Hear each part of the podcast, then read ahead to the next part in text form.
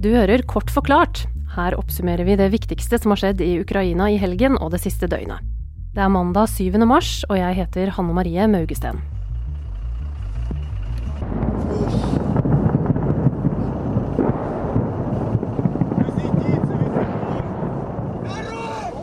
Våpenhvilen som ble brutt, og gjentatte forsøk på å evakuere sivile, har vært det som har vært det mest omtalte temaet de siste dagene og døgnet.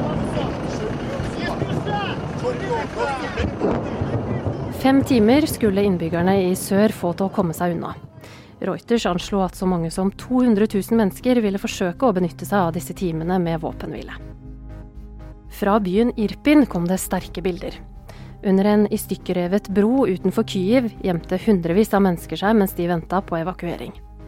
Etter en uke med angrep hadde de bestemt seg for å ta sjansen og forsøke å komme seg unna.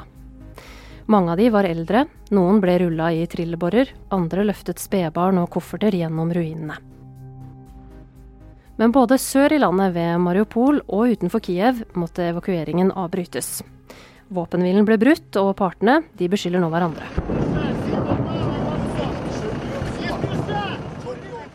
Gjennom hele helga og det siste døgnet så har flere jobba for å få til en våpenhvile. Både Tyrkias president, Frankrikes president og Israel har forsøkt å få i stand forhandlinger. I morgentimene i dag hevda Russland at de har innført en ny våpenhvile, bl.a. i Kyiv og Kharkiv. Målet skulle være å gi sivile muligheten til å evakuere, men Russland vil bare tillate at de sivile evakueres til Russland eller Hviterussland. De sivile de står nå overfor to store dilemmaer. Det ene er om de skal ta sjansen på at våpenhvilen denne gangen faktisk holder lenge nok til at de kan komme seg unna. Men det er ikke en selvfølge. Et bilde fra AP viser en mor og to barn som forsøkte å flykte da den andre våpenhvilen ble brutt nå på søndag. Den lille familien ligger på gaten, og noen har lagt et teppe over de to barna og moren. Ved siden av den drepte moren så står kofferten med tingene deres. Per Anders Johansen, du er journalist i Aftenposten og har uh, kjørt 500 km langs hele grensa mellom Ukraina og Polen. Her har du besøkt uh, seks uh, grenseoverganger og snakka med flyktninger fra hele Ukraina. hvordan vil du beskrive det? Ja, Vi har jo sett at i noen av byene hvor kampene nå pågår inne i byen, sånn som Mariupol, i Kharkiv, så er det livsfarlig for eh, sivile å prøve å, å rømme. Og det er kommet uh, mange eksempler på sivile som rett og slett har blitt skutt eller uh, truffet av bomber på veien ut. Det som gikk galt i helgen uh, flere steder, var jo at korridorene som de sivile ble lovet, viste seg ikke være trygge.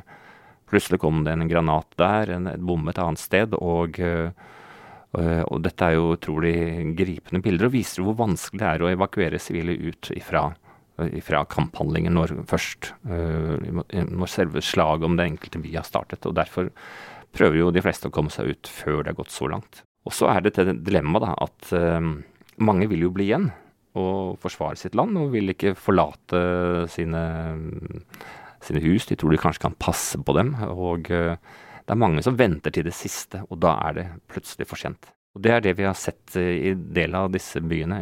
Den lille byen Irpin rett utenfor Kiev.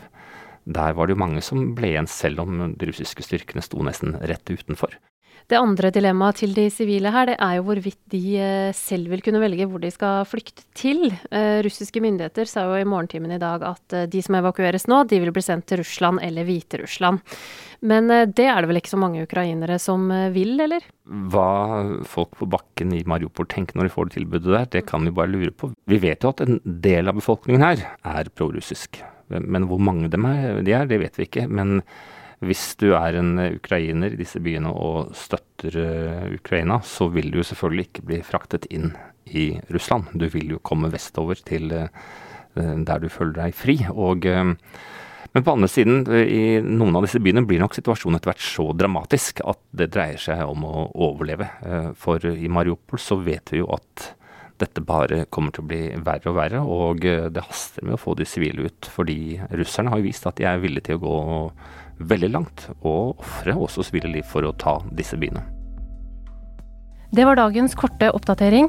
Du har hørt lyd fra AP. På aftenposten.no får du analysene, kommentarene og alt du trenger å vite om det som skjer i Ukraina nå.